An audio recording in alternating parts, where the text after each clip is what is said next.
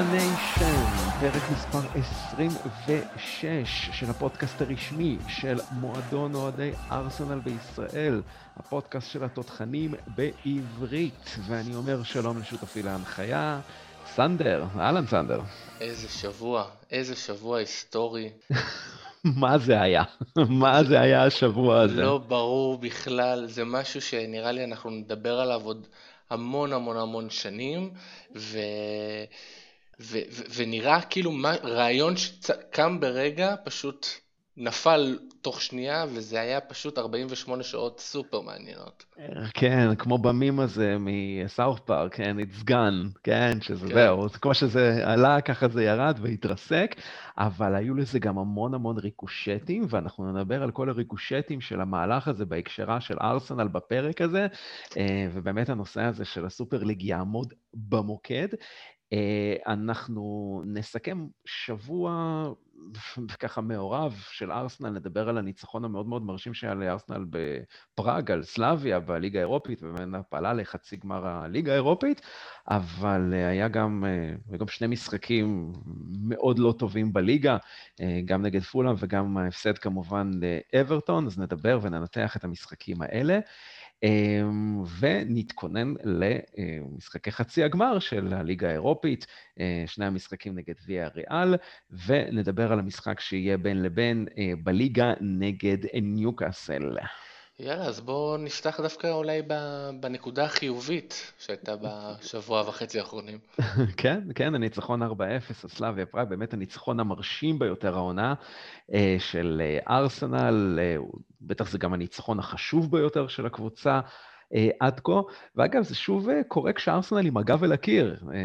דיברתי על זה ככה בפרק הקודם, אם אתה זוכר, בכל פעם העונה שארסנל נקלעה למצב שבו היא הייתה חייבת לכבוש כדי לשרוד, היא עשתה זאת, והפעם זה היה אפילו בסטייל, בטח מול קבוצה שלא הפסידה בבית שלה בכל המסגרות במשך כמעט שנתיים. באמת תצוגה מרשימה של החבורה של ארטטה שהפגינה כאן killing אה, instincts, ותוך תשע דקות בערך כבשה ארבעה שערים. הראשון כמובן נפסל בטענת נבדל, אפשר היה לראות מההילוכים החוזרים שבצדק, אבל משם זה רק הלך והשתפר, ובסופו של דבר ארסנל משיגה בצדק את הכרטיס לחצי הגמר של המפעל. חד משמעית, זה באמת היה משחק שאתה אומר לעצמך, תודה לאל שעשינו את ה... מילינו את חובתנו לעלות לחצי הגמר ולהשאיר עוד איזשהו סיכוי ריאלי להיות שנה הבאה באירופה. ובאמת, אחרי הגול הזה באמת שנפסל, אני כבר ראיתי שחור בעיניים ואמרתי לעצמי, טוב, זה הולך להיות יום שחור. אה, פתאום משום מקום, באמת עשר דקות אחרי, אז אנחנו כבר ביתרון של שלוש. אז uh, הרבה הרבה נחת ותצוגה מאוד מאוד יפה של הקבוצה. נכון, ובעיקר uh, תצוגה טובה של כל הרביעייה הקדמית שלנו, לאקה, סאקה, פפה וסמית רו. באמת שקשה אפילו לבחור את המצטיין במשחק הזה מביניהם, למרות שסאקה היה זה שנבחר בתור המצטיין השבוע של אה, וופא. אמ, אני רוצה ככה לדבר דווקא על ניקולס פפה, שנמצא בכושר טוב בחודשים האחרונים, ודיברנו על זה שגם המספרים שלו מתחילים להשתפר העונה ביחס לעונה שעברה. הוא כבר עם עשרה כיבושים וחמישה בישולים העונה, אה, חמישה בתוכם בליגה האירופית, הכובש המצטיין של ארסנל במפעל הזה, ומאז שהוא הגיע לארסנל הוא מעורב ב-33 שערים, אה, כשהוא שני רק לאובמיאנג ולקזט בקטגוריה הזאת. אז נכון, אנחנו כבר מבינים שהוא לא שווה את uh, תג המחיר ששולם עליו, uh, בטח לא 72 מיליון, אבל בהתחשב בתפוקה שלו במחצית השנייה של העונה הזאת, קשה לומר שהוא פלופ, הוא בסך הכל הפך לשחקן לגיטימי ברוטציה של שחקני ארסנל, אה, בעיקר בכל מה שקשור לשחקני הקו שלנו, ואני חושב שעדיין מוקדם מדי לקבל עליו איזושהי החלטה בכיוון של מכירה. אה, מה דעתך? האמת שכן, הוא עשה קפיצת מדרגה משמעותית, אה, ומי היה מאמין שפתאום, אתה יודע, כשיש לך שחקנים על הספסל, אתה אומר, נו יאללה, שיכניס כבר את פפה כבר, שיהיה פה איזה משהו. זה דברים שלא היינו אומרים לפני כמה חודשים, כל הזמן היינו אומרים, אוי לא, מה הוא מעלה לנו אותו עכשיו. אז uh, הלוואי וגם, אתה יודע, וויליאן התעורר, ולמרות שזה קצת פחות ריאלי שזה יקרה. אבל... כן, כי וויליאן הוא כבר לקראת סוף הקריירה שלו, בעוד שפפה עדיין בשלבים שהוא יכול עוד להשתפר, אם באמת מלטשים אותו ועובדים איתו, ובאמת ארטטה עובד איתו לא מעט באימונים. כן, אבל אצל וויליאן מה שמרגיז זה שהוא לא, אתה יודע, הוא לא איזה סוס מת. הוא סך הכל בן 32 אם אני זוכר נכון, ואתה רואה שעדיין יש לו כושר, ועדיין יש לו את המהירות, ועדיין יש לו את הטכניקה, אבל משהו שם פשוט לא עובד, וזה... אז זה לא נסלח באמת. אה, אני חושב שבמקרה של ביליאן אנחנו מדברים על שחקן שכנראה דעיכה שלו והירידה בכושר התחילה בגיל קצת יותר מוקדם מהרגיל, אה, ולכן גם אנחנו רואים את התוצאות על המגרש, בטח כשהוא פתאום אה, מחליף כבר קבוצה בגיל מתקדם, אז גם קשה לו יותר להשתלב, וראינו שבאמת הוא, הוא פחות, פחות מחובר לקבוצה. ועוד שאצל פפה זה באמת יותר עניין של, של ביטחון שבאמת אפשר לעבוד עליו ובאמת אפשר עוד לשפר. מה חשבת על הצמד המאולתר במגינים? כן, באמת אה, ניצחון מרשים שהושג ללא מגני הקו הקבועים שלנו, אה, שככה מהווים חלק בלתי נפרד משיטת ההתקפה של ארטטה, ואני באמת אה, רוצה להתייחס קודם כל לג'קה, שזה היה המשחק השני שלו ברציפות בעמדת המגן השמאלי, ונכון, הוא לא תרם כמעט כלום ברמה ההתקפית ולא ביצע פריצות או עקיפות של פפה, אבל מצד שני משחק הגנה מאוד משובח ובעיקר אחראי שלו, יחסית לעמדה שזרה לו, אה, שזה באמת אה, סוג של אילוץ, הוא עשה, עשה את העבודה כמו שצריך, וגם אה, חסרונו בקישור לא, לא ממש הורגש, וגם מהצד השני, קלום צ'יימברס, שלא בפעם הראשונה העונה, נותן משחק מצוין באגף הימני, ושם הוא דווקא נתן תרומה התקפית. והעביר כמה כדורי רוחב באמת מסוכנים, כולל הבישול לגול של אה, בוקאיו סאקה, אה, ועוד מהלך מצוין של אה, כדור עומק, מאוד מאוד מדוד, שהיה לו במהלך שהוביל ככה לפנדל, אבל בראש ובראשונה משחק הגנה מצוין שלו, אולי המצטיין של כל חוליית ההגנה. היה תמיד ראשון במאבקים הבהירים, וסגר יפה מאוד את האגף שלו עם הרבה מאוד אגרסיביות, אגרסיביות שהייתה יעילה. ונראה שהוא uh, ככה חזר להציג את היכולת שאפיינה אותו במחצית הראשונה של העונה הקודמת. Uh, אני מזכיר לך שאם לא אותה פציעה בעונה שעברה, הוא יכול היה בכיף להיות השחקן המשתפר של העונה שלנו, אבל uh, הנה יש לו עכשיו הזדמנות מצוינת לעשות זאת העונה, וזה מגיע בדיוק לקראת הקיץ הקרוב, כשנשארה לו ככה עונה אחת בלבד לסיום החוזה. אה, והשאלה הנשאלת היא כמובן לגבי חידוש והארכת החוזה שלו. האם אתה חושב, סנדר, שארסנל צריכה להאריך לצ'מברס את החוזה בקיץ, או שאולי עדיף ככה למכור אותו כשהוא מניה חמה? תראה, אני חושב שצ'מברס זה כן שחקן שהייתי משמר לטובת הרוטציה. אה, אני כן חושב שארסנל צריכה לעשות כל ביכולתה אה, לשמר שחק... שחקן מהסוג הזה, אבל כל עוד הוא כמובן נכנס בתקציבים שארסנל אה, מרשה לעצמה לשחקני רוטציה. כמובן שאם היה לנו איזה הצעה על השולחן שאי אפשר לסרב לה, לצורך העניין 20 מיליון תמורת צ'מברס, אז כן, אז הייתי מוכר אותו. אבל uh, אני לא חושב שאנחנו יכולים לבנות על שחקן כזה גם יותר מדי, כי בסופו של דבר הוא גם מרבה להיפצע כמו שאמרת, וגם uh, הוא לא תמיד מקבלים ממנו 100%. תראה, אני, אני אישית השתכנעתי בחודש האחרון שארסנל חייבת להאריך לצ'יימברס את החוזה. אני מרגיש שנכון להיום הוא הפך להיות המגן הימני הבכיר שלנו.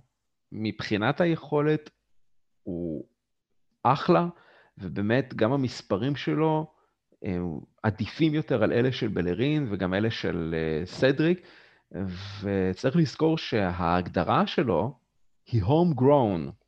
כלומר, שחקן שהיה חלק מסגל המועדון, סגל של מועדון אנגליה, אה, לפחות במשך שלוש שנים, בטווח הגילאים שבין 15 ל-21, והוא בדיוק עונה להגדרה הזאת, ואני רוצה להזכיר שתקנון הפרמייר ליג מחייב כל מועדון להחזיק שמונה שחקנים כאלה בסגל. והיום, עם אה, ריבוי הזרים, ממש לא קל למצוא שחקנים כאלה בשוק, זו גם אחת הסיבות שבגלל המחירים של שחקנים שעונים להגדרה של הום גראון, הופכים להיות גבוהים יותר ביחס לערך הממשי שלהם בפועל. אה, וכן, זו בהחלט אה, הזדמנות ככה להוקיר לצ'מברס על שיפור שהוא ככה מפגין ביכולת באמצעות חוזה חדש, שיהיה גם משודרג יותר, וזה ככה כמקובל בקרב שחקני הרוטציה, לא איזה מספרים מטורפים, אבל בהחלט חוזה שהולם את מעמדו. מה שמוביל אותי לכך שזה לא אומר שאנחנו לא צריכים לרענן ולשדרג את העמדה הזאת בקיץ, כי בינתיים לא נראה שבלרין עולה לציפיות, בטח בהתחשב בגובה השכר שלו. אז uh, מצד אחד אפשר יהיה לקבל על בנרין לא מעט כסף, וכבר uh, הזכרנו באחד הפרקים הקודמים שלנו את ההתעניינות המאוד ככה חזקה שפריס סן ג'רמן בשחקן, וכסף זה ככה לא, לא בדיוק הבעיה שם, הם מוכנים לשים אפילו 40 מיליון אירו עליו. הבעיה היא מצד שני, שבדיוק כמו צ'מברס, בלרין הוא גרון.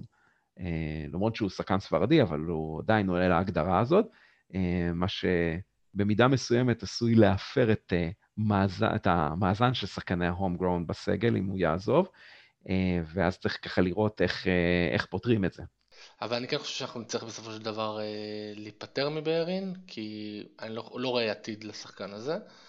אה, ולגבי ג'קה שהזכרת אותו קודם, אם אתה נכנס לנעליים של ארטטה, מה, מה אתה חושב שהייתה הסיבה שלו שהוא החליט לפתוח עם ג'קה כמגן שמאלי ולא נגיד עם סדריק שישב על הספסל וזה שחקן שאנחנו ראינו אותו כמה פעמים לאורך העונה בתפקיד הזה והוא היה ממש לא רע וזה עוד uh, בלשון המעטה, אז איך, איך ארטטה בוחר דווקא במשחק כל כך גורלי, שזה משחק אולי הכי חשוב שלו העונה, לעשות את השינוי המוזר הזה ולשים את ג'קה כמגן שמאלי?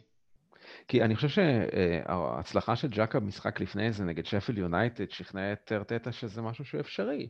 זאת אומרת, הוא היה צריך להשיג בסופו של דבר את האחריות את משחק ההגנה האחראי, וכנראה שבאימונים הוא ראה את ג'קה עושה את העבודה בצורה טובה, הוא ראה את זה במשחק המבחן הזה שהיה לנו נגד שפילד יונייטד. ואני חושב שבסופו של דבר זה הוכיח את עצמו בתור, בתור החלטה נכונה. אה, אני לא יודע, כאילו זה, נכון, זה עשה את העבודה, אבל זה כל כך מסוכן לקחת אה, צ'אנסים מה, מהסוג הזה במשחקים כל כך חשובים. אה, שאתה יודע, אם זה לא היה עובד והיינו מסיימים את המשחק הזה ולא עולים, אז היינו באים אליו עם אצבע מאשימה ואומרים איך הוא עושה דבר כזה במשחק כל כך חשוב. אה, זה בהחלט הימור, אבל במידה מסוימת, אבל באיזשהו מקום אני גם יכול גם להבין את ארטטה, אין לו גם יותר מדי ברירות כאן, והוא צריך גם לנסות לאלתר דברים מסוימים, וכמו שאמרתי, זה לא היה פעם ראשונה שזה, שהוא מנסה את הדבר הזה, כנראה שבאמת באימונים הם תרגלו את זה, וזה היה באמת מוצלח נגד שפלד יונייטד, אז uh, למה לא? כן. אני רוצה להפנות את uh, תשומת uh, לאירוע הגזעני שהיה במשחק הזה, uh, גם במשחק הבית אגב וגם במשחק החוץ, uh, כאשר בפתיחת המשחק, כמו בליגה, ככה גם בליגה האירופית, שחקני הקבוצות בדרך כלל קוראים ברך, אה, לזכר מותו של אה, ג'ורג' אה, פרויד, ושחקני סלאביה פשוט עומדים ולא קוראים ברך, וזו קבוצה שכבר היה להם בעבר כל מיני מקרי גזענות. ואני שואל את עצמי, איך, איך דבר כזה, איך דברים מהסוג הזה בכלל קורים עדיין ב, בשנת 2021, אחרי שהעולם חווה כל כך הרבה מקרי גזענות וכל מיני דברים מסוגים שונים, זה לא, זה לא נתפס הדברים האלה. כן, זה באמת אה, קשה להקל איך אנחנו באמת ב, בתקופה שבה אנחנו חיים, עדיין אה, לא מופגנת הסולידריות הזאת, ואדרבה, אה, כמובן המשחק שסלאביה הייתה מעורבת בו בעצם בשלב שקדם למפגש עם ארסנל ברבע הגמר, נגד ריינג'רס, ששם באמת הייתה תופעה מאוד מאוד מכוערת אה, כנגד, כנגד שחקן של ריינג'רס, אה, וזה זה, זה באמת אה, לראות את הדברים האלה קורים, ממשיכים לקרות באמת על הבמות הגדולות והמרכזיות ביותר באירופה. זה מביך, מזעזע, באמת קשה אפילו למצוא את, ה, את המילים לכך, ובאמת טוב שארסנל כמובן מצטרפת לגינוי התופעה, אבל זה באמת צריך להיות הרבה הרבה יותר אה, מכיל, ואנחנו ככה שומעים שממש בסמוך לסיום המשחק הזה, אולי בתור איזושהי הערכה, ואולי כמחווה על מה שארסנל עשתה במשחק נגד סלאביה, בכל מה שקשור למיגור תופעת הגזענות, אז הנהלת ריינג'רס זימנה למעשה את ארסנל למשחק ידידות, שייערך ב-17 ביולי נגד ריינג'רס באיצטדיון אייברוקס, אה, משחק ההכנה הראשון לעונה הבאה, אה, ככה במסגרת חגיגות לציון 150 שנים להקמת המועדון הסקוטי, אז אולי ככה ארסנל אפילו קיבלה איזשהו, אה, יצאה קצת נזכרת מה, מה, מהמחווה הזאת, כן. טוב, אז uh, עד כאן החלק האירופי לשלב זה של, ה, של הפרק שלנו. אנחנו רוצים לדבר גם קצת על מה שהיה בליגה, ולא היו דברים יותר מדי טובים, אז אנחנו נתחיל כמובן עם המשחק uh, נגד פולה, המשחק התיקו הביתי, אחת-אחת. Uh, עוד משחק שככה מייצג את התחושות ש... המעורבות האלה, תחושות המאניה-דיפרסיה הזאת ש, שמלווה את ארסנל העונה. Uh, כמה ימים בלבד אחרי ההתפוצצות הזאת מול סלאביה, אנחנו מגיעים למשחק שעל הנייר צריכים לנצח בבית, שולטים במשחק כמעט בכל פרמטר, אבל לא משיגים את התכלס. עוד הנעת כדור שנראתה כחלק פעמים, חלק מהפעמים ככה כלא יעילה, בעיקר uh, מצידו של uh, מוחמד אל-נני, שבאמת לא בפעם הראשונה מעדיף למסור את הכדור לאחור ולרוחב במקום את המסירה קדימה. וכשמוסיפים לזה את שני השערים שנפסלו לנו על ידי העבר, אה, נבדלים מאוד מאוד אה, גבוליים של מילימטרים, אה, ובסוף יש גם ספק פנדל שאיכשהו תמיד נשרק נגדנו, אז אנחנו ככה מקבלים תוצאה מאוד מאכזבת במשחק הזה. כן, טעם מאוד מאוד מאכזב, ו... ונשאלת השאלה לגבי גבריאל, כי הזכרת אותו באמת. ההכשלות האלה, שזה כבר הפעם, אם אני לא טועה, השלישית או הרביעית כבר בחודש האחרון, שהוא גורם לאיזושהי הכשלה או לאיזה שער באשמתו. ומה קורה עם השחקן הזה? נראה שהוא כאילו איבד את, ה, את הריכוז, אה, איבד את הביטחון אולי, אין לי מושג, אבל זה לא נראה טוב. וזה נורא נורא מלחיץ לגבי ההמשך, כי אנחנו כל כך צריכים את השחקני ההגנה שלנו עכשיו בשלבים המתקדמים נגיד באירופה. אז אני נורא נורא לא רגוע בעמדות האלה. כן, החוסר חוסר רוגע שלך הוא בהחלט אה, מאוד מאוד מוצדק, ובאמת דיברנו על הירידה החדה הזאת שגבריאל חווה אחרי שהקורונה שהוא חלה בה, ואיכשהו עדיין לא הצליח לחזור ליכולת שהוא הציג אה, בתחילת העונה. ומעבר לזה, גם ארסנל פשוט לא, לא, לא מצליחה לייצר העונה רצפים של ניצחונות, זה תמיד ככה נקטע אחרי שני משחקים טובים, אה, בגלל איזושהי ירידת מתח כזאת, שחלק מהשחקנים נראים קצת עייפים, לא מרוכזים, פתאום אין את התשוקה והאנרגיה הזאת כדי לשים את הכדור ברשת, ובמשחק הזה נגד פולאם, חוץ ממרטינלי שהיה פעלתן בגלל שהעונה שלו התחילה לא מזמן, אה, יש לו לא מעט מה, מה, מה להוכיח. שאר השחקנים היו די קבועים, וזה מוזר, כי, כי, כי מתמטית, לפני המשחק נגד פולאם, לארסנל עדיין היה סיכוי להגיע לליגה האירופית בעונה הבאה דרך הפרמייר ליג. זה לא היה איזשהו הפרש אה, דו-ספרתי, אה, היו באותה נקודת זמן עוד משהו כמו שישה, שבעה משחקים לסיום העונה, כשעל פניו לוח, המשחק, לוח המשחקים של ארסנל היה אחד הקלים מבין הקבוצות שככה נאבקות על הכרטיס לאירופה, ובכל זאת אנחנו רואים את הרפיון הלא ברור והמתסכל הזה.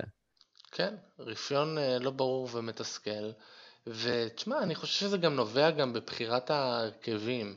כי אם, כי אם בסופו של דבר אה, ארטטה בוחר לפתוח עם אלנני ולא עם פארטי, ובוחר לפתוח עם, אה, עם ביירין ולא, אני יודע מה, או עם צ'יימברס או עם אה, סדריק, ופפה שהוא בסדר בזמן האחרון לא פותח.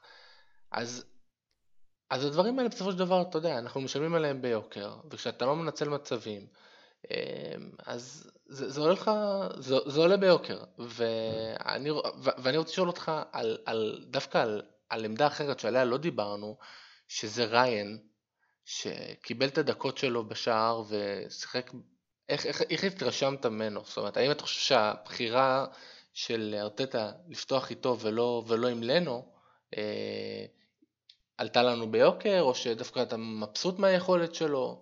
לא, לא, לא חושב שבאיזשהו מקום אה, הוא הרגשתי בזה שהוא שיחק ולא לנו שיחק, כן? אני חושב שסך הכל הוא עשה עבודה שהיא בסדר גמור. זה, זה לא כמו לרדת לרמה של רונרסון, כן? שאז אתה באמת מרגיש שיש לך פתאום שוער חסר ביטחון בשער, צעיר, לא מנוסה. בסך הכל זו הייתה הזדמנות טובה לתת לריין אה, את הדקות שלו, כי זה לא הייתה איזושהי יריבה ש... הייתה צפויה לשבת על השער שלנו, בסופו של דבר אנחנו אה, שלטנו לחלוטין במשחק הזה, אה, אחוזי ההחזקה בכדור של ארסנל היו קרוב ל-70 אחוז מול 30 של פולאם, אז אה, גם, גם מבחינת האיומים לשער, ארסנל אה, אה, למסגרת, אני רואה שככה הם עשו חמישה איומים מול רק איום אחד של פולאם, כן, גם מבחינת המסירות, כאילו, שוב, 633 לארסנל מול 286, אה, אז כאילו, זה באמת משהו ש, ש, ש, ש, שאתה יכול, משחק שבאמת אתה, אתה פייבוריט בו, אתה שולט בו, אז זה באמת, הייתה באמת הזדמנות טובה ככה לתת הזדמנות לשוער המשנה, ככה לצבור קצת דקות. כן.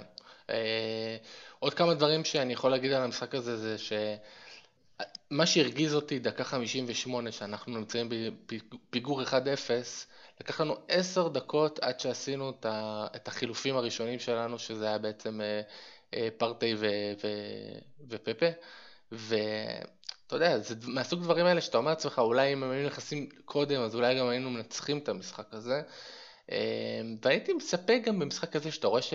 שזה, ככל שהדקות עוברות ואתה לא מצליח לפצח את ההגנה, לעשות אפילו שינויים פנימיים, אה, סאקה שים באמצע, את סמית רואו תעביר לצד, או דברים מהסוג הזה.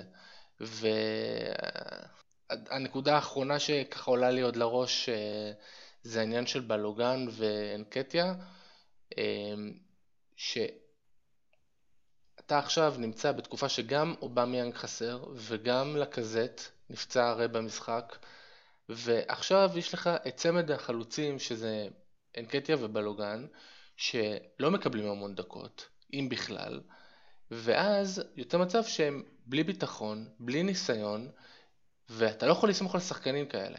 אז אני לא מבין למה אנחנו לא רואים אותם נכנסים, אני יודע שזה אמנם היה משחק שעל פניו אה, היינו צריכים לנצח, אבל הייתי מצפה משחקנים כאלה להיות משותפים קצת יותר, כדי שאנחנו לא נאכל אותה בסוף העונה בגלל שלא שיתפנו שחקנים כאלה או אחרים. אה, כן, אני מאמין שזה משהו שבאמת יקרה במחזורים האחרונים, כי אחרי המשחק של נגד אברטון, ההפסד לאברטון, שתכף נדבר עליו, אני חושב שככה גורל העונה של ארסנל בליגה די הוכרע, וזאת תהיה גם ההזדמנות עבור כל ה... השחקנים המתנדנדים למיניהם והצעירים למיניהם שחובת ההוכחה עליהם לקבל יותר דקות אה, ובאמת אה, להוכיח את עצמם. כן. אה, טוב, אז בואו באמת נדבר על המשחק נגד אברטון, כנראה המסמר הלפני האחרון בארון הקבורה של העונה הנוראית הזאת. ההפסד ה-13, משמור ה-13 העונה של ארסנל בליגה, הפסד שלמעשה חיסל את הסיכויים של ארסנל להפיל לליגה האירופית דרך הפרמייר ליג. אה, ועכשיו שחושבים על זה, סנדר, אולי זה עדיף, כי בהתחשב בעובדה שמקום שבע או שמונה יובילו בעונה הבאה למפעל החדש וההזוי הזה שנקרא Conference League, שזה מעין החייאה מחדש של גביע האינטר-טוטו, זיכרונו לברכה, שככה מתחילים לשחק בו כבר בסוף יולי-אוגוסט, אה, שזה אולי הדבר האחרון של ארסנל צריכה עכשיו, לא? אה, כן, אני ממש איתך. אני חושב שזה, חסכנו לעצמנו את הדבר הזה, ואני חושב ש... אוהדי ארסנל לא יאהבו את מה שאני הולך להגיד, אבל אני חושב שזה לא נורא אם, ה... אם המועדון שלנו יחווה פעם אחת איזושהי קטסטרופה ברמה של לא להיות באירופה, כי רק ככה דברים יתחילו להשתנות ויזוז במועדון. יש, יש כמה אנשים שבאמת חושבים בדיוק כמוך, אבל אתה יודע, אז אין שום דבר שהוא בטוח, כן? זה משהו שבאמת אה, אה, אולי, אה, אתה יודע, יכול לת, לתת קצת חומר למחשבה, אבל לא בהכרח חומר לפעולה. לא, אני מתכוון, אני מתכוון, אתה יודע, אם אנחנו פתאום נסיים את העונה הזאת במקום 11, ובליגה האירופית לא נזכה, אז מה יהיה שנה הבאה? חייב לבוא, חייב לבוא איזה, אתה יודע, איזה, איזה, איזשהו משהו גדול. יפטרו את המאמן, יפטרו את המאמן. לא, אבל אני חושב ש... אתה יודע, אם לא יהיה קורונה, אז אנשים גם יפסיקו לבוא למגרשים, ואז יהיה פחות הכנסות, והמרצ'נדייז פחות יקנו אותו. זה, זה, זה, זה הכל, בסופו של דבר, זה בא לידי ביטוי בהכנסות של הקבוצה, אז יהיו חייבים לעשות שינוי. אמ, יכול להיות, אבל זה, אתה יודע, זה, זה, זה, זה לא המסות העוצמתיות האלה שאני חושב, כי בסופו של דבר, גם אם נגיד סתם, לצורך העניין, עשרת אלפים אה, אוהדים מקומיים לא יבואו, אז יבואו עוד עשרת אלפים סינים וימלאו את האצטדיון. כאילו, המועדון הזה הוא מאוד מאוד פופולרי, ובסופו של דבר העיר הזאת מאוד מאוד פופולרית, וכשהתיירות תחזור, אז האצטדיון הזה יתמלא, והסינים יקנו את אותו מרצ'נדייז, ואולי אפילו יותר. אז uh, אני חושב שהפתרון הוא הרבה הרבה יותר שורשי והרבה יותר עמוק, אבל אנחנו כמובן גם נדבר עליו בהמשך, כשנדבר על ההשלכות של מה, ש, של מה שקרה השבוע בעקבות ה... הסופר ליג וה, והביטול של הסופר ליג, אבל בואו באמת נתרכז ככה קצת יותר באמת במשחק אה, נגד אברטון, כי, כי, כי זה באמת היה משחק ש, שאסנל המשיכה לנפץ בו את כל השיאים השליליים שעוד נותרו לה לנפץ העונה. אז uh, הנה סנדר ככה בהמשך לפרק הקודם, שהזכרת את הפעם האחרונה שבה אברטון ניצחה את ארסנל בלונדון, נכון. שהייתה ב-1996, אז הנה, קבל עוד שיא ככה, ש... התנפץ לו, אה, וכבר לא קיים יותר, וככה אברטון משלימה עונה של דאבל, דאבל של ניצחונות בעצם, ניצחונות ליגה על ארסנל לראשונה מאז 1986, וגם ברמת הכיבושים, עוד שיא שלילי של ארסנל כמובן, זה היה המשחק השמיני העונה שבו ארסנל לא הצליחה לכבוש באיצטדיון אמירייטס, שזה אה, פי שתיים ביחס לכמות הפעמים שהדבר הזה קרה בארבע העונות הקודמות יחד. תחשוב על זה. בארבעת העונות האחרונות זה קרה רק פעם אחת בעונה. אה, והנה, העונה זה קורה שמונה פעמים. אה, וזה גם היה קרוב לתשע, אם אנקטיה לא היה כובש בדקה ה-97 מול פולאם.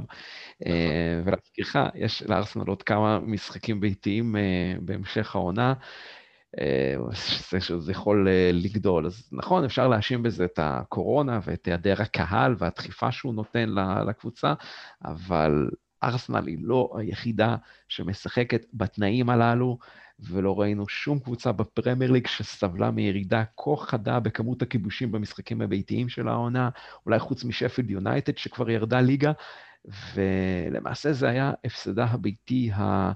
שהיא העונה של ארסנל בכל המסגרות, שהפעם האחרונה שזה קרה היה בעונת 1929-30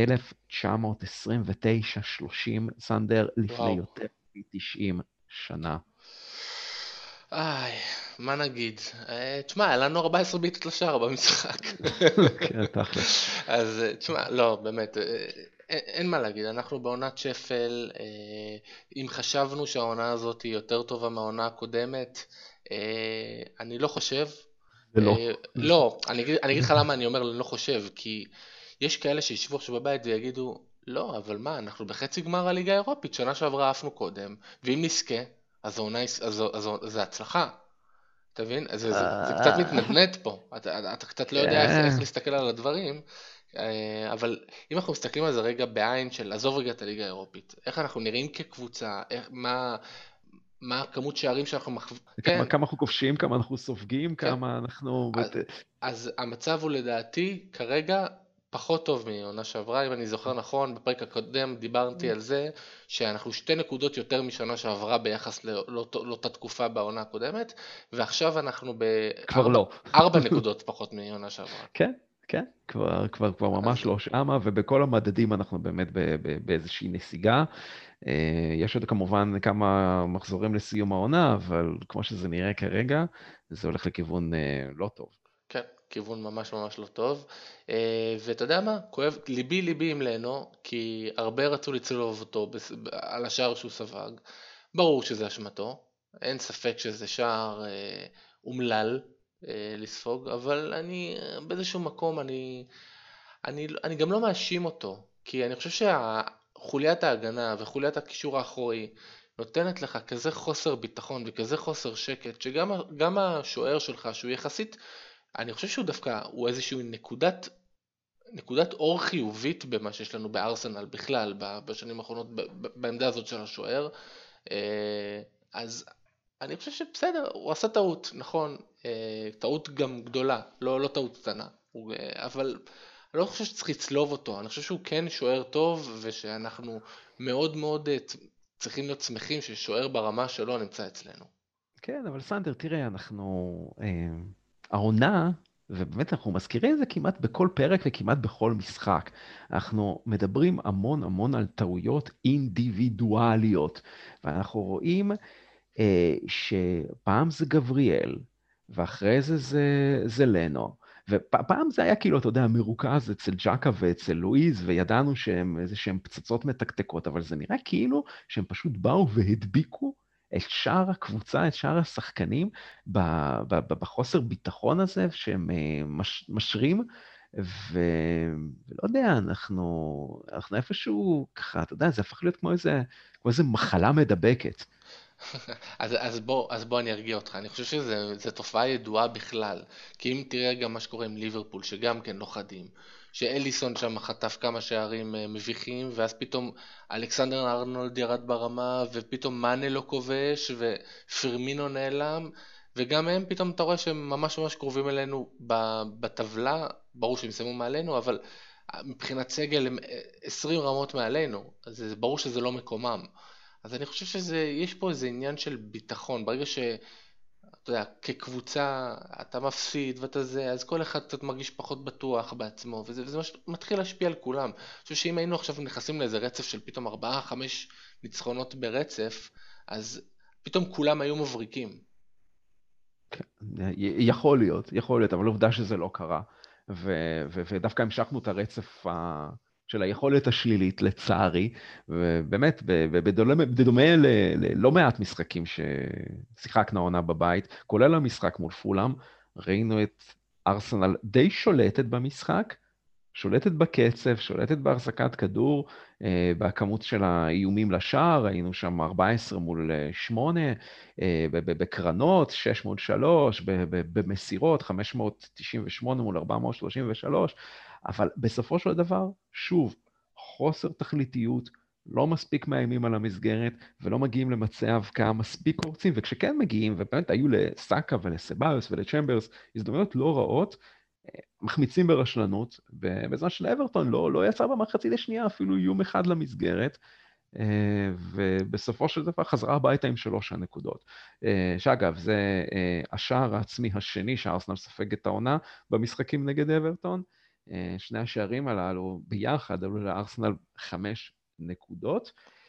אה, ויש גם עוד נקודה שככה חשוב לציין במשחק הזה, וזה באמת עניין עבר, ש... שכבר משחק שני ברציפות פוסל אה, לארסנל שער ופנדל, ממש על חודו של, ה... חודו של הקשקש. כשהפעם מדובר בעניין שקרה 12 שניות, סנדר, לפני ההכשלה על סטביוס, שזה באמת מאוד מאוד תמוה, ובסיום המשחק מיקל ארטטה רתח במסיבת העיתונאים, ובאמת נשמע אה, מאוד אה, מתוסכל על השיפוט. הוא אמר, ואני מצטט, אה, זה כבר נבנה ונבנה, הצטבר והצטבר, והגיע הזמן לשים לזה סוף. היום נשבר לי, היו לנו יותר מדי החלטות שנפסקו נגדנו, ואף אחד לא מעניק הסברים. אמ, זה משפיע על הרבה מאוד אה, אנשים, על העבודה שלנו, ובמיוחד על המועדון שלנו. אה, בקיצור, אה, ארטטה מאוד מאוד זועם ודורש הסברים, ואני רוצה ככה לשאול אותך, איך, איך אתה רואה את הטיעונים הללו של ארטטה על, על עבר? תראה, אני חושב שארטטה לא צודק בעניין הזה, כי אני חושב שזה לא משהו שמכוון כלפי ארסנל, וזה לא משהו שמישהו עכשיו, אה, קבוצה של שופטים מארגנים איזשהו מרד סביב אה, ארסנל. אני חושב שזה החלטות אה, שמתקבלות, בין אם זה בחדר של עבר או בין אם על ידי שופטים, מקפחות את ארסנל בצורה שיטתית, אבל אני חושב שזה מקרי. זאת אומרת, כי, כי, כי קודם כל, העובדה בשטח שלא בכל משחק יש לך את אותו צמד שופטים, או את אותו אה, שופטי ור, או אותם כוונים. אז אני חושב שזה פשוט יוצא מק... איזושהי מקריות כזאת, שכשזה קורה לך פעם אחת, ואחרי ארבעה, חמישה משחקים שוב, ואחרי שני משחקים שוב, אז אתה אומר, אה, יש פה משהו נגדי מכוון. אה, כי אתה שם לב לזה כאוהד יותר ויותר ויותר, אבל אני לא חושב שיש פה איזה משהו שהוא מכוון. כי הרי ברור לך שאם היינו קבוצה שלוקחת את הנקודות בסוף המשחק, אה, אז לא, כנראה שלא היינו, לא היינו אה, מתעכבים על הדבר הזה, כי לא היינו זוכרים את זה. אני חושב שאת התשובה שלי צריך לחלק בעצם לשניים, כי מצד אחד, אני יכול לגמרי להסכים עם ארטטה בכל מה שקשור לנושא ההסברים. כלומר, אנחנו לא מרגישים שיש מספיק, בוא נגיד ככה, הסברה מצד אה, השופטים, מצד הפרמייר ליג, מצד מי שזה לא יהיה, אה, בכל מה שקשור לפסיקות, בכל מה שקשור להחלטות, מתי זה כן נבדל, מתי זה לא נבדל, איפה בדיוק מעבירים את הקו, איך מודדים את זה, איך מחליטים. זה משהו שחייב להגיע להגיע בו מימד מסוים של שיפור. כי ברגע שתהיה הסברה טובה יותר, אז תהיה התנגדות פחותה יותר במידה ויש איזושהי מחלוקת לגבי החלטה כזאת או אחרת שוואר פסק. זאת אומרת, ככה אפשר יהיה להגדיר בצורה החלטית הרבה יותר אם זה היה נכון או שזה לא היה נכון. עכשיו, הצד השני של התשובה שלי קשורה לכך האם זה בכלל משהו שיכול לשמש כהסבר או תירוץ לכל מה שקשור ל... ליכולת של הארסנל ולתוצאה שהיא משיגה במשחקים שנפסקים נגדה אה, החלטות כאלה ואחרות? ממש לא. אם זה נגד פולאם, זו קבוצה שארסנל הייתה צריכה לפרק אותה עם שניים שלושה שערים בכיף. אה, אברטון אה, גם לא הציגה איזה משחק מדהים, ש... שאני חושב שזה לא, לא איזה משחק שהיא התעלתה על עצמה, אז אני חושב שארסנל כן גם הייתה יכולה לנצח אותו, או לפחות לא להפסיד, אז, אז, אז זה לא יכול לשמש כאיזשהו תירוץ עבור ארטטה אה, לאובדן הנקודות אה, במשחקים האחרונים. אה, אני חושב שהזעם שלו באמת אולי בצדק, אבל זה לא תירוץ ואנחנו צריכים לראות יותר טוב וחשוב יותר שנתמקד במגרש מאשר בשופטים. טוב, אז uh, עד כאן המשחקים, מה שנקרא, שהיו uh, על המגרש, ועכשיו נדבר על המשחקים שהיו מחוץ למגרש, כי, כי שיחקו, לנו ב, שיחקו לנו פה ב, ב, בהרבה מאוד רגשות בשבוע האחרון, וכמובן אולי אחד האייטמים המרכזיים uh, של ככה של החודשים האחרונים, וזה באמת עניין הסופר ליג. אז אומנם אנחנו כבר כמה ימים אחרי, והרוחות אולי טיפה יותר נרגעו, אבל אלה ללא ספק, סנדר, היו ימים טרופים בעוצמתם לכל חובב כדורגל בפרט, אני חושב שבספורט בכלל, אה, ובעיקר ימים מביכים עבור 12 המועדונים שככה הקימו ויזמו את ליגת העילית הזאת, ליגת הטייקונים אני קורא לה, אה, שקרסה תוך 48 אה, שעות והותירה בין השאר את ארסנל עם נזק תדמיתי גדול מאוד. אלה היו 48 שעות שהן אה, מבזות אה, עבור אה, ראשי המועדונים. שישה מועדונים אנגלים, וכמובן עבור ארסנל והבעלים של הסטן קרונקי, שיוצא מהיוזמה הזאת עם הזנב בין הרגליים ועם ביקורות אינסופיות, מכל מי שרק אפשר, החל מממשלות, אנשי תקשורת ספורט, פרשנים, שחקנים, מאמנים, וכמובן האוהדים, אוהדים שדורשים את ראשו של קרונקי, שפשוט אה, חיפש עוד דרך להתעשר על חשבון עיקרון הספורטיביות, אה, שאולי העיקרון הבסיסי ביותר של משחק הכדורגל. זה פשוט היה 48 שעות שאני קצת התביישתי בהם, ואני גם, באיזשהו מקום, אני כל כך פחדתי שהדבר הזה יצא לפועל. הרי ברור לי, וברור לכל אוהד הארסנל, וכל אוהד של כל אחת מ-12 הקבוצות האלה, שאם הדבר הזה היה יוצא לפועל, המשמעות של זה, זה שהקבוצות, אותן קבוצות, היו הופכות להיות כל כך, אבל כל כך חזקות, אה, בין אם זה בליגה המקומית, אם היא הייתה באמת נשארת במתכונת המקורית שלה, ולא היה שום עניין בכלל בכדורגל יותר, והכל היה סביב ה-12 קבוצות האלה, וכל הכדורגל היה משתנה והופך להיות משהו אחר לחלוטין. ואני כל כך שמח שהדבר הזה התפוצץ, כי זה פשוט הגעיל אותי. זה באמת הגעיל אותי, אפילו שבאיזשהו מקום יש אנשים שיגידו מה, אבל כאילו, ארסנל יכלה להיות עכשיו בטופ של הטופ. לא, זה, זה, זה לא ספורטיבי, זה מגעיל, זה, זה דוחה, זה טוב שזה קרה, וטוב שקרונקי הולך עם הזנב בין הרגליים, כדי שדברים כאלה לא יקרו בעתיד, למען יראו וייראו. כן, למזלנו באמת היוזמה הזאת, שעוד תדובר ותהדהד בזיכרוננו הרבה זמן, וככה תירשם בדברי הימים של ענף הכדורגל, נפלה בסופו של דבר, אבל אה, עצם עלייתה והאופן שבו היא קרסה, אני חושב שהיא מותירה אותנו, האוהדים, עם אה, הרבה מאוד חומר למחשבה בכל מה שקשור לכיוון שאליו הולך הכדורגל. וללא קשר לשאלה אם אנחנו בעד או נגד היוזמה הזאת, ברור לחלוטין שמדובר כאן בצעד מאוד מאוד מהפכני, שיש לו השלכות עצומות, כלכליות וספורטיביות, ואני חושב שגלי ההתנגדות העצומים שקמו ליוזמה הזאת, מוכיחים אה, שמרבית עולם הכדורגל הוא עולם יחסית שמרן וקונסרבטיבי, אה, שככל הנראה מעדיף לשמור על הסטטוס קוו של הסטרוקטורות הקיימות בענף הזה, למרות כל הבעיות הקיימות במבנה הקיים. ובאמת, סנדר, אפשר לדבר על כל הליקויים שוופא מתעלמת מהם בליגת האלופות, החל משלב הבתים שכבר ידוע מראש מי יהיו השתיים שככה יעפילו לשלבי הנוקאוט, וכלה במיקומים ההזויים שמתקיימים בהם משחקי גמר אה, של מפעלים, והכישלון של רעיון ה-financial play, שאפשר ככה באמת למנות כאן עוד עשרות ליקויים, ולמרות כל זה, עיקרון התחרותיות, ובעיקר ההלימה שבין ההשקעה לבין התמורה וההישגיות, אלה דברים שהם לא פחות מפרה קדושה, שפשוט אסור לגעת בהם.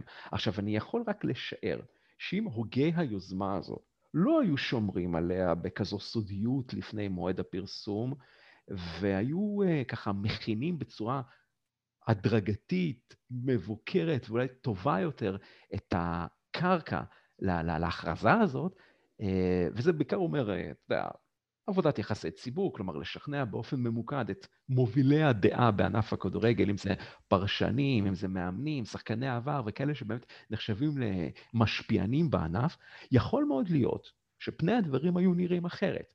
אנשים כאלה היו יכולים באמת לשכנע את, ה, את הרוב אה, של אוהדי הכדורגל, ש, שזה בסך הכל מהלך נכון ומבורך, ושהקמת ליגה הזו באמת תוביל אה, לרמה גבוהה יותר של משחקים, ליותר אה, משחקים איכותיים, למבנה שככה יעתיק את ההצלחה של ה-NBA ושל ה-NFL מארצות הברית. בקיצור, לשווק את הפרויקט הזה מבחינת התדמית שלו באופן חיובי. העובדה, אבל העובדה שזה לא יתבצע, ו, ומכאן גם נוצר הצונאמי של, של, העליהום, של העליהום הזה שזכינו ככה לראות, אה, הוא בעצם גרם לקריסת הפרויקט הזה תוך 48 שעות אה, בלבד מאז שהוא קם. ביורוליג למשל, בכדורסל, זה כן עבד הדבר הזה, וכן, למה? כי זה בא בהדרגתיות, וכשאתה יורד דבר כזה, וחושב שכל העולם יגיד לך, אה, סבבה, כן, סבבה, נשמע טוב, בוא, בוא, בוא נזרום עם זה, כשאתה כפוף לכל מיני חוזים כאלה ואחרים, ושהמשמעות של הדבר הזה שאתה הולך לפגוע במפעלים אחרים, בקבוצות אחר, אחרות, זה, זה ממש חוסר אחריות פשוט של כל הקבוצות האלה שנכנסו לדבר הזה, ואותי יותר מטריד, יותר מהכל, מה המשמעות עכשיו גם של הפרישה מהדבר הזה. כן, כי... אז אה, כן, אז, אז, אז באמת בואו בוא באמת נתמקד בארסנל, ובאמת בסיבוב הפרסה שהיא ככה נאלצה לעשות, אז, אז, אז באמת צריך לזכור שלאור היוזמה הזו, ארסנל נאלצה לפרוש מה-ECA, שזה בעצם אה, איגוד מועדוני הכדורגל האירופיים, ועכשיו לך תבנה מחדש את כל האימונים ראשי וופא. לך תשקם את מערכת היחסים עם כל מי שראה את ארסנל בעיקר את אה, בעליה, כן, בתור בוגדים. אפשר לומר בוגדים? כן. אה, ויש לזה כמובן גם מחיר כלכלי. מדובר בקנס של 8 מיליון פאונד לפי הפרסומים, שגם אותו תצטרך ארסנל לשלם, ואני מקווה מאוד שהקרונקיז יעמדו ב... במילה שלהם וישלמו את זה מהכיס שלהם ולא מקופת המועדון, וזה גם לא רק השיקום כלפי חוץ, אלא גם השיקום כלפי פנים. אה, ארגוני האוהדים של ארסנל פשוט זועקים אה, בשבוע האחרון ברשתות החברתיות, אה, ולפני המשחק מול אברטון התקיימה הפגנת מחאה קולנית. שבה השתתפו מעל 5,000 מאוהדי הקבוצה, שבאו עם שלטים ואבוקות, באמת מחזות סוריאליסטיים שלא ראינו מעולם אצלנו. והם פשוט, האוהדים דרשו ממשפחת קרונקי למכור את המועדון ופשוט להסתלק ממנו.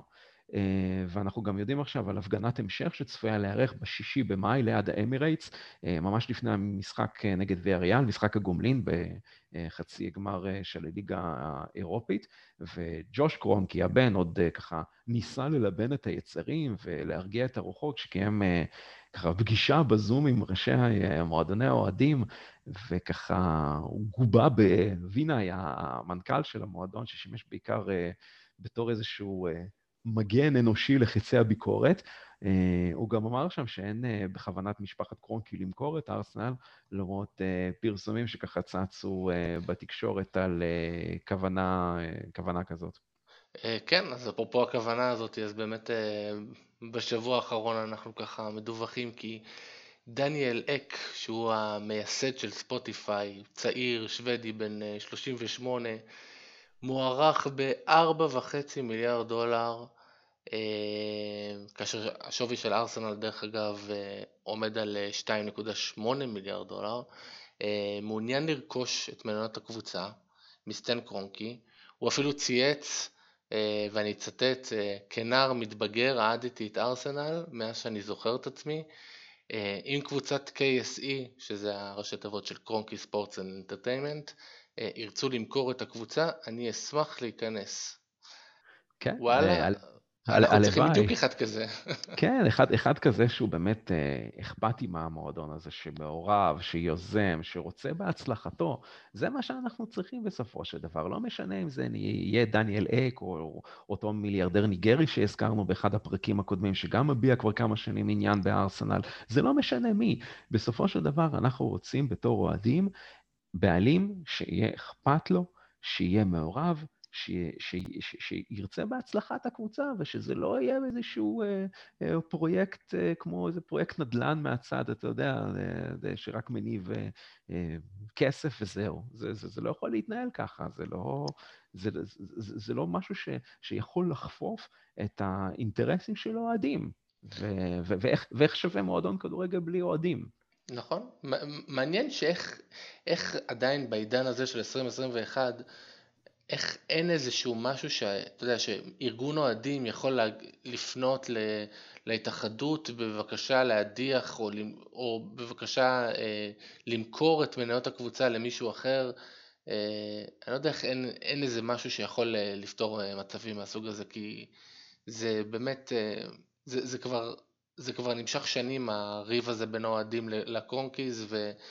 כן. וזה לא נראה שהוא, שהם רוצים אה, להיפטר מהמניות. כן, כן, וכמובן איך אפשר גם להתעלם, סנדר, ממכתב ההתנצלות הדי פתטי הזה, שככה פורסם באתר הרשמי של המועדון, אחרי בדיוק היציאה של ארסנל והנסיגה שלה מהיוזמה הזאת של הסופר ליג, אה, שככה מכתב שבו אמנם הדירקטוריון מבקש מחילה מהאוהדים, אגב, אחד המועדונים היחידים שמסר הודעת התנצלות לאוהדים, אבל לצד זה מתרץ בצורה כל כך פתטית את הסיבות שהביאו את אה, בעלי המועדון לטעות הזאת שהם אה, ביצעו. מצוין שם שהמהלך נעשה לטובת האוהדים ועבור האוהדים, כדי אה, לייצר יציבות עבור המועדון, כדי להבטיח את עתידה של ארסנל בין מועדוני העילית האירופאים.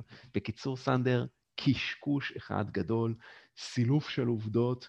אמ, שום התחשבות באוהדים, כי, כי בסופו של דברים באמת היו רוצים להתחשב באוהדים, אז הם קודם כל שואלים את האוהדים.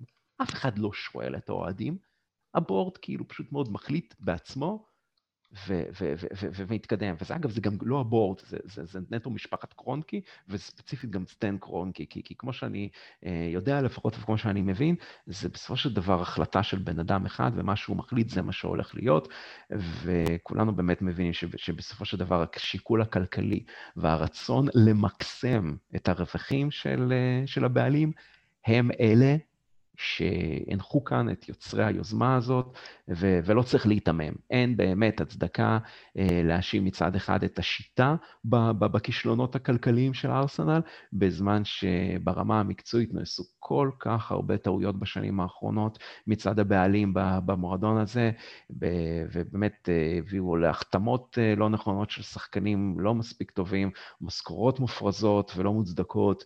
ניהול חוזים שלומיאלי שגרם ככה לשחקנים בעלי ערך לעזוב את המועדון בחינם, מינוי של צוות אימון שכשל, לפני שנה וחצי בסך הכל, וכל זה כמובן אה, הביא לכך ששנתיים ברציפות, ובקרוב זה גם יהיה שלוש, שזה משהו באמת לא בלתי נמנע, ארסנל באמת נאלצת לסיים את השנה הפיננסית שלה בהפסדים של עשרות מיליונים, אה, דבר שככה מתסכל את הבעלים, שרק מחפש דרכים לא הוגנות להרוויח כסף, כי הוא פשוט לא עושה עבודה מספיק טובה כדי להרוויח כסף בדרכים ספורטיביות. נכון, לא יכולת לסכם את זה בצורה יותר טובה, ו- ו- ו- וזה מה שמוביל אותי ל- בעצם לליגה האירופית, שאם אנחנו לא, לא, לא ניקח את הגביע אז אנחנו נהיה שנה הבאה בעוד יותר ברוך, והברוך הזה, לצאת ממנו זה הרבה יותר קשה מאם אתה בליגה האירופית, ואז אתה יודע שזה כולם קפיצת מדרגה אחת, אתה יודע, להגיע לליגת האלופות. אבל לגמרי. אם אתה לא באירופה בכלל, אז זה כבר סיפור לחזור לאירופה. בדיוק, בדיוק. ובאמת זה מוביל אותנו ככה לצמד המפגשים של ארסנל נגד ויה ריאל, אה, במעמד חצי גמר הליגה האירופית, אפשר להגיד, אה, צמד מפגשים שהם באמת הכי גורליים לשורה התחתונה של העונה הזאת. אז בואו נעשה באמת קצת סדר במשחקים. אז המשחק הראשון הוא בספרד, זה יוצא כמובן ביום חמישי, 29 באפריל, החל משעה 10 בערב, שעון ישראל. אנחנו אה, נקיים מפגש צפייה במשחק הזה מטעם מועדון אוהדי ארסנל בישראל, אה, והפעם בשורה לכל האוהדים החיפאים והצפונים. אה, מפגש יתקיים בחיפה, בפאב פונדק הדוב במרכז הכרמל, ששוב יארח אותנו, באמת כבר התארחנו שם כמה פעמים בעבר, והיה מעולה. אה, ואני ככה רוצה לנצל את הבמה ולקרוא לכל האוהדים הצפונים וחיפאים, ככה כל החבר'ה מהקריות גם, להגיע למפגש, יהיה כיף, כל הפרטים מפורסמים כבר באיבנט אצלנו בעמוד הפייסבוק של מועדון אוהדי ארסנל בישראל, אז אתם כמובן מוזמנים להיכנס לאיבנט ולאשר הגעה. המשחק השני, אה, משחק הגומלין, בדיוק שבוע לאחר מכן, זה יוצא שישי במאי, גם כן בשעה עשר בערב, אה, שעון ישראל, ארסנל מארחת את המשחק באמירייטס, אה, וגם שם יהיה לנו מפגש אוהדים, רק שהפעם המפגש יהיה בירושלים. אז קרדיט גדול על ארגון המפגש הזה לחבר מועדון אוהדים, אהרון פז. אה, וכמובן, אה, גם למפגש הזה ייפתח איבנט אה, בעמוד הפייסבוק שלנו, ותוכלו לקבל את כל הפרטים על המיקום ועל שאר הירקות. אז הנה, לכל האוהדים שככה ביקשו שהמפגשים לא יהיו רק באזור גוש דן, אנחנו ככה נותנים מענה עם שני מפגשים בחיפה ובירושלים, אז כולם מוזמנים. בואו בהמוניכם, גם החבר'ה מגוש דן כמובן מוזמנים. רגע, ולאלה ששומרים אה, קורונה וזה, ישיבה בחוץ ובפנים או רק כן, בחוץ? כן, כן, תהיה אפשרות כמובן גם למי ש... עונה להגדרה ולא עונה להגדרה אה, להיות בקבוצה שלו, אז תהיה אפשרות גם לשבת בפנים ושתהיה אפשרות לשבת בחוץ. יאללה, מדהים. אז מה, אז מה, מה אנחנו עושים עם ויה ריאל? עם איזה הרכב אנחנו עולים? מה, מה אנחנו עושים? וואי, טוב, יש פה, יש פה הרבה, הרבה הרבה סוגיות, אבל uh, זה באמת מדובר במשחק uh, גורלי מאוד, וגם uh, צמד מפגשים עם הרבה, הרבה מאוד נרטיבים, סנדר, uh, uh, הם בכל מה שקשור לשחזור מעמד חצי גמר ליגת האלופות, כן. מעונת 2005-2006, עם הצלת הפנדל הדרמטית הזאת של יאנס למן בדקה האחרונה של הגומלין מריקלמה, ככה שלחה את ארסנל לאותו גמר היסטורי. Uh, יש פה גם... נרטיב נוסף של מפגש מול פרנסיס קוקלן, ששיחק בעבר בארסנל, וכמובן בעצם המפגש עם המאמן הראשי הקודם של ארסנל, אונאי אמרי, מפגש פיקנטי שככה קורה שנה וקצת בלבד אחרי שהוא uh, פוטר מהמועדון, uh, אחרי שנה וחצי בלבד בתפקיד, מאמן שמכיר היטב את השחקנים שלנו, את החוזקות ובעיקר את החולשות של הקבוצה הזאת, מאמן ש...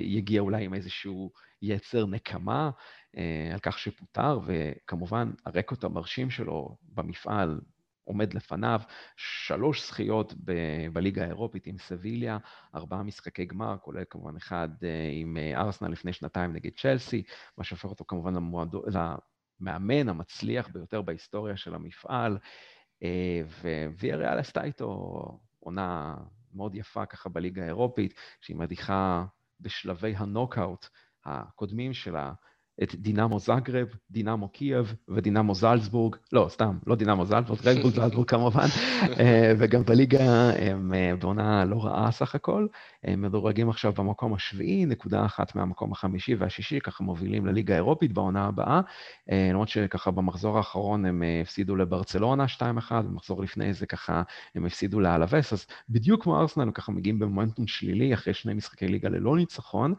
אז uh, זה ככה די מאזן קצת את הכוחות, עימות שבאמת אין uh, יותר מדי פייבוריטית ברורה, אולי אפילו קצת יתרון לספרדים. כן, אז כמו שאמרת באמת, אה, נפגשנו איתם בעבר, עד היום ארבעה פעמים, וזה יהיה הפעם החמישית שאנחנו הולכים לפגוש קבוצה, שמה שמשותף לכל המפגשים האלה זה שבכל פעם ששיחקנו נגדם זה שהיה בקבוצה איזשהו אקס, אם אתה זוכר אז היה את פירס, פירס שיחק אצלהם בשתי המפגשים, בארבעת המפגשים האחרונים אה, נגדם, אז ככה שזה הולך להיות איזשהו אה, קטע היסטורי שאני לא זוכר מתי, אה, שיחקנו נגד קבוצה שש פעמים שתמיד היה בה איזשהו אקס של ארסנל.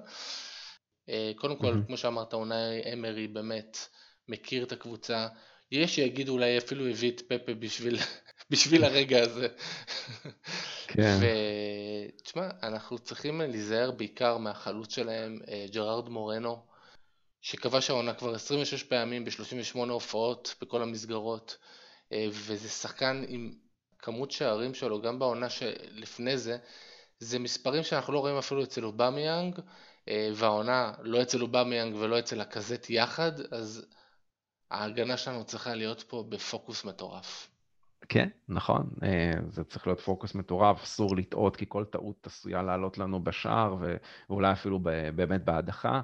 אה, והזכרת ככה את החלוץ המצוין שלהם, אז גם יש להם בלם מצוין, אה, פאו טורס, הספרדי בן ה-24, באמת בעונה מעולה, העלה את הערך שלו כבר ל-50 מיליון אירו. באמת שחקן מצוין שמהווה את מרכז ההגנה שלהם ורק הולך ומשתפר ומאוד מאוד קשה ככה לאתגר שם את ההגנה שלהם בכדורי גובה, אה, ובאופן כללי, באמת משחק הגנה מאוד מאוד משובח של הקבוצה הזאת. באמת, הרבה מאוד שחקנים טובים שככה משולבים במערך של ויה ריאל, שמשחקת בבית באירופה בפריסה של 4-4-2, ובחוץ היא משנה את זה ל-4-3-3, אה, וככה בעיקר בונה על התקפות אה, מעבר מתפרצות, אז אנחנו צריכים להיות מוכנים גם לשני הסגנונות האלה, ו- ולכל משחק כמובן להתכונן בהתאם. נכון, וגם אה, קבוצה שבדרך כלל נוטה לשחק אה, כדורים מהירים ומסירות קצרות, אה, מה שאנחנו קצת פחות טובים בו, אנחנו יותר עם הכדורגל האיטי שלנו. מתמהמהים, אני... מתמהמהים, כן, ויותר בדיוק. מדי מוסרים אחורה ופחות אטרקטיביים בצירופים. בדיוק, ו- ו- ופה מגיע, ו- וזה מה שמלחיץ אותי בעצם לקראת המשחק הזה, כי אני שואל את עצמי, אם אנחנו נתחיל לשחק את המשחק ה... האיטי שלנו, וזה, אז אנחנו נותנים להם לחזור להגנה, ואנחנו יכולים להפתיע אותם, ואין לנו המון יצירתיות על המגרש. אה, גם לאור העובדה שאנחנו לא יודעים אם לקזט יהיה כשיר, ואנחנו לא יודעים אם אובמיאנג יהיה כשיר, אז אני לא יודע, אני, אני נורא נורא חושש, ואני חושב שאנחנו נצטרך אה, להגיע למשחק הראשון לפחות, אה, כאנדרדוג. ולשחק איזשהו כדורגל קצת אה, יותר רגוע, יותר, אה, יותר זהיר בוא נקרא לזה, ולבנות על מתפרצות, כי אין לנו, אין לנו את החומר שחקנים כרגע, לפחות לא למשחק הראשון אני חושב, אה, שיכול לבוא ולתת שם רביעייה כמו שראינו נגד סלאביה. לא, רביעייה לא, אני, כאילו, אתה יודע, אם אנחנו נשיג שם שער, אני, אתה יודע, כן. אני אשמח מאוד, אני אשמח מאוד, כי באמת קשה מאוד לראות איך אנחנו בכלל מייצרים שם אה, הזדמנויות, כן? אם אנחנו לא הצלחנו במשחקים ביתיים נגד אה, קבוצות כמו אברטון ובטח נגד פולאם, אה, לתרגם אה, שליטה בכדור למצבים, שם אנחנו בכלל לא נשלוט בכדור, אז אנחנו באמת נצטרך להסתמך אך ורק על המתפרצות ועל המהירות, אה, ששם זה באמת, אנחנו נרצה לראות אה, שחקנים כמו סאקה, בא לידי ביטוי כמה שאפשר, כמובן פפה אני מניח שככה יפתח, ולבנות על השחקנים האלה, אולי בכדורים ארוכים אליהם, לנסות ככה לייצר כמה שטחים ריקים, ומשם להביא את היכולת האישית שלהם לידי ביטוי. באמת משחק מאוד מאוד מאתגר, ש... שארסנל תצטרך באמת לעבור מאוד מאוד מוכנה, מאוד מאוד מרוכזת, וכדי כדי באמת להשאיר לעצמה את הסיכוי ולהעביר את ההכרעה בסופו של דבר לגומלין באמירייטס, כי שם באמת יש יותר, יש יותר סיכוי, בוא נגיד ככה, לארסנל, למרות שהיא לא מצטיינת במשחקים ביתיים העונה, אבל עדיין משחק ביתי שהיא ככה יודעת שהיא צריכה לנצח ויש לה סיכוי לנצח, ודיברנו על הקטע הזה שבאמת היא עם הגב אל הקיר, אז היא כן מסוגלת בסופו של דבר להפיק ממנה, מעצמה את המיטב. כן, אז אני רוצה לשאול אותך דווקא על העניין של ההרכבים. איך היית פותח במשחק כזה? זאת אומרת, עם איזה חוליית הגנה נגיד היית מגיע למשחק כזה, מתחשב בעובדה ש... שצ'יימברס די חד, בארין קצת מקרטע, ואיפה ג'קה? אה, הייתי פותח עם ג'קה, הייתי פותח עם ג'קה בטח במשחק הראשון, שהוא משחק שבנוי יותר על מתפרצות, ואני חושב שהוא בסך הכל היה די בסדר במשחקים שהוא שיחק בעמדה הזאת, מעמדת המגן השמאלי, אז ג'קה בשמאל, צ'מברס בימין, וביחד עם הולדינג ומרי, הולדינג ומרי כרגע הם הציוות הכי, בוא נגיד ככה, יציב. אופטימלי שלנו, כן, הכי יציב, כן, ואולי קצת אפשר קצת יותר לסמוך עליהם, נכון? זה צמד, צמד שלא מנוסה יותר מדי במעמדים האלה, אה, ויכול להיות שבסיטואציה מסוימת, אה, אולי אם דוד לואיז היה כשיר, אז היה צריך לחשוב בכיוון קצת שונה, אבל כרגע אין לנו יותר מדי ברירות. אה, גבריאל לא בכושר טוב, אני חושב שזה השילוב הנכון ביותר מבחינת ארטטה ללכת איתו במרכז. ואתה מעדיף את ג'קה יותר מצדריק? בעמדה כן. של המגן? וואלה. למשחק, למשחק, למשחק הראשון בטוח, לגבי המשחק השני, לא יודע, אולי במשחק השני אם אנחנו נצטרך יותר פן התקפי, אז סדריק כמובן יש לו את היכולות ההתקפיות הטובות יותר, ואז צריך להתבסס גם על... על ההגבהות שלו ועל הפריצות שלו מהאגף, אני חושב שבמקרה, במשחק השני כנראה סדריק יהיה נכון יותר לשימוש מאשר ג'קה בעמדה הזאת. אוקיי, ואם נדבר רגע על, על החלק ההתקפי, כי אני, אני יוצא מנקודת הנחה שכרגע אובמיאנג ולקזט לא, לא יהיו, לא יהיו במשחק הראשון. כן, אני, תראה, מבחינתי מרטינלי זאת לא מילה גסה. אה, זאת אומרת, צריך לזכור כמה שערים הוא כבש בעונה הקודמת, בכמות הופעות יחסית נמוכה, זאת אומרת שמדובר בשחקן שרעב לשערים, שהוא סקורר בסך הכל, וזה גם ככל הנראה גם תהיה העמדה הטבעית שלו כשהוא ככה אה, יתבגר. כרגע הוא ככה מלוטש אמנם בעמדת הקיצוני השמאלי, אבל המטרה והיעד הסופי שלו, כמו שאני רואה, זה להיות בעצם חלוץ מטרה. אני אני, אם הייתי במקומו של ארטטה, כן הייתי נותן את המפתחות למרטינלי בחוד, לפי מה שאני חושב שיהיה, כן? זה שנפתח כנראה עם אינקטיה שמה. טוב, אני מאוד מקווה שאינקטיה דווקא לא, אני כן הייתי שמח לראות את, אה, את מרטינלי שמה. אה, אני לא יודע אם הייתי פותח עם פפה, אני מקווה מאוד שסמית רו וסאקה יהיו שם, ושפפה יהיה פשוט שחקן גיבוי מהספסל, כי הוא נותן להרבה כדורים, ובמשחק הזה אסור לנו... אה, לחטוף. כן, אבל מצד שני, אתה יודע, סנדר יש לו, יש לו יכולת אה, אישית טובה, שיכול מאוד שדווקא בהברקה, בהברקה מכלום, out of nowhere, כן, ובאמת במשחק הזה, זה, השער צריך להגיע מאיזשהו out of nowhere, זה יכול להיות באמת, אה, או ביצוע מטורף של שחקן מסוים, או כדור נייח, או איזשהו, לא יודע, פנדל, לא יודע, כאילו משהו שהוא באמת יותר... יותר חריג בנוף, כן? זאת אומרת, זה לא, זה לא משהו שמגיע מאיזשהו אה, משחק, אה, משחק מסירות רגיל או משהו כזה. קשה לי לראות את ארסנל כובשת מהמצב הזה, בגלל זה, בגלל זה אני אומר שאולי היכולות האלה של פפה יכולות לבוא לידי ביטוי בצורה טובה יותר במשחק הזה. כן, אבל בגלל שהוא נוטה לאבד את הכדורים באמצע המגרש, זה יכול להפוך למתפרצת ודברים מהסוג הזה, שזה נורא נורא נורא מטריד אותי. Mm-hmm. אין ספק שהוא יכול לתת איזושהי הברקה פתאום בחלק ההתקפי, ופתאום, אתה יודע, לתת לנו איזה שער, או לבשל, או...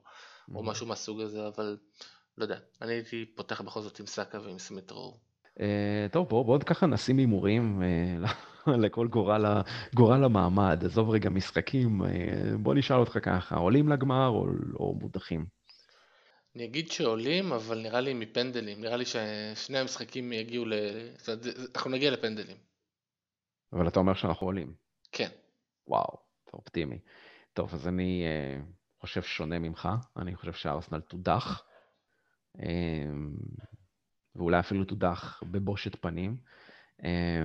לא יודע בדיוק איך, זה יקרה, זה כבר במשחק הראשון, כבר תוכרע התמודדות, או, ש, או שבאיזשהו מקום לא נצליח להשתקם במשחק השני, אבל לי יש איזושהי תחושה לא טובה, ולדעתי אמרי בתור קבלן הגמרים וקבלן המפעל הזה באופן כללי, אני חושב שהוא יצא עם הכרטיס לגמר. Uh, טוב, אם אתם, uh, למאזינים שלנו, אם אתם חושבים uh, אחרת, uh, כמובן uh, אתם יותר ממוזמנים uh, לכתוב לנו uh, בתגובות, ואני ככה מזכיר לכולם שעדיין הגרלת uh, כובע של ארסנל תקפה גם לפרק הזה, אז אתם יותר ממוזמנים כמובן uh, לשתף את הפרק, uh, לשתף את הפוסט uh, בפייסבוק, וכמובן uh, להגיב ולעשות לייקים, וכמובן שכל מי שישתתף ייכנס להגרלה. Uh, טוב, אז בין שני המשחקים האלה, סנדר, יש לנו עוד, uh, עוד משחק, נכון? כן, יש לנו את ניוקאסל בחוץ. כן, כן, משחק ליגה, ככה, רק מבחינת מועדים נציין שזה יקרה ביום ראשון, בשני במאי, בשעה 4 אחר הצהריים, שעון ישראל, באצטדיון סנט ג'יימס פארק. המשחק מול אה, קבוצה ככה שנמצאת במומנטום טוב לאחרונה, הפסד אחד בלבד בשמונת משחקי הליגה האחרונים שלה. אה, הרבה מאוד בזכות אה, מיודענו, ג'ו ווילוק, שפשוט ככה פורח בשורות המגפייז, בעיקר בדקות האחרונות של המשחקים של ניוקאסל, פשוט במו רגליו מביא לקבוצה הזאת נקודות יקרות עם אה, שערים דרמטיים וחשובים מאוד. רק במחזור האחרון הוא חילץ לניוקאסל נקודה בתוספת הזמן, אה, שער שוויון אה, נגד ליברפול, ומחזור לפני זה שער ניצחון בדקה ה-82 על וסט-האם. 3-2, משחק באמת מאוד מאוד דרמטי, שהיה חלק באמת משלוש הנקודות מאוד מאוד יקרות לקבוצה הזאת. וגם לפני זה הוא כבש את שער השוויון הדרמטי נגד הספיירס ב-2-2. כל השערים החשובים האלה ככה מביאים את ניוקאסל למרחק של תשע נקודות מהקו האדום, כשנותרו חמישה משחקים בלבד לסיום העונה. הם עלו למקום ה-16 בטבלה, ונראה שהם ככה בדרך להישאר בפרמייר ליג. כן, הרבה בזכות באמת ווילוק. אה, שאיזה כיף זה לראות אותו פורח ככה בקבוצה, בדיוק, זה בדיוק מה שהוא היה צריך, ואני מאוד מקווה ש, ש, שבעונה הבאה כשהוא יחזור אלינו אנחנו נראה אותו נותן ביצועים כאלה גם אצלנו, ושזה לא יהיה איזושהי הברקש בגלל שהוא היה באיזה קבוצה אה, חלשה. אז אה, כן, תשמע, אנחנו משחקים נגד ניוקאסל במשחק שבוא נהיה כנים, הוא לפרוטוקול, מבחינתנו. כן, כי... גרבג' 2, גרבג' 2 של העונה כן, התחיל. כן, נשארו 15 אה, נקודות בקופה מבחינתנו. יש לנו מן הסתם עדיין איזשהו סיכוי תאורטי להישאר באירופה בעונה הבאה, אבל בשביל שזה יקרה צריכים לקרות כל כך הרבה ניסים. אני, אני אישית לא בונה על זה. אה, וכן, ועדיף לא להמר כדי לא להגיע לקונפרנס ליג, כמו שאמרנו. מה, מה אנחנו צריכים את הכאב ראש הזה? נכון, בדיוק. ואני חושב שאם אתה שואל אותי, אמ, אני חושב שארטטה צריך להגיע למשחק כזה, ב, ב, אפילו בגישה, לבוא בגישה של אני לא נותן ל, ל, זאת אומרת, לשחקנים המובילים שלי לשחק. כן, אלנני, וויליאן, כל אלה, כן, צריכים כן. לשחק שכולם... במשחק, כדי, בדיוק, כדי קודם כל לשמור כוחות. כי הקבוצה צריכה להתרענן בין שני המשחקים נגד ויה ריאל, אז כמובן שחקנים המובילים, שחקני הרכב צריכים אה, להיות אה, כמה שיותר רעננים לגומלין. ודבר שני, כמובן, אה, לחסוך פציעות, כן? כאילו מי צריך להיפצע עכשיו, כשיש לך משחק כל כך גורלי לפניך כמה ימים אחרי זה. נכון, ו- וזה משחק שהוא באמת לא, לא חשוב. אני, זה, זה באמת כבר לא משנה אם נסיים 9, 10, 11, זה, זה, זה, זה, זה same. כן, לגמרי, לגמרי, זה באמת סיים, ואני, אה, קשה לי לראות את ארסנל משחזרת את הניצחון שלה במפגש הקודם נגד ניוקאסל שהיה באיצטדיון אמרייטס אה, בחודש ינואר האחרון, שם היא ניצחה 3-0 מצמד של אובמיאנג ועוד אחד של סאקה. אה, כאן כשנראה ככה הרכבים קצת יותר משניים, ובטח אה, ניוקאסל שככה עדיין יש לה על מה לשחק, למרות שהיא ככה בדרך קצת להבטיח את ההישארות שלה, אבל אה, עוד נקודה שתיים באמת לא יזיקו לה, אז יש לה עוד על מה לשחק, ואני חושב שהיא תבוא באמת באיקון רב למשחק הזה. טוב, זמן ככה לתת הימורים. תוצאה, ניצחון, תיקו, הפסד, מה, מה הולך להיות לדעתך? אני אומר תיקו אחד. כן, גם אני ככה אאמר, גם אני מסכים איתך, זה הולך להיות uh, תיקו במשחק הזה. Uh, טוב, uh, זהו, ככה, זה אלה, ה... אלה פחות או יותר הדברים שמצפים לארסנל ככה בשבוע הקרוב. אז uh, אנחנו מגיעים ככה לסיומו של הפרק שלנו, אז ככה הזדמנות uh, לעשות uh, כמה תזכורות. אז קודם כל אנחנו מזכירים את ההגרלה שלנו, את ההגרלה של כובע של ארסנל. Uh, כמובן, שתפו את הפוסט של הפרק הזה, uh, כמובן תעשו לייק, תגיבו. כנסו להגרלה ותוכלו לזכות בכובע של ארסנל, מתנת מועדון אוהדי ארסנל בישראל.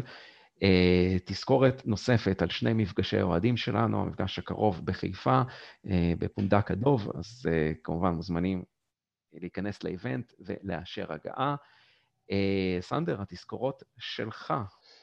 כן, אז אתם מוזמנים לעקוב אחרינו וללחוץ על, בעצם על subscribe בפלטפורמות בהן אתם מקשיבים לפודקאסט.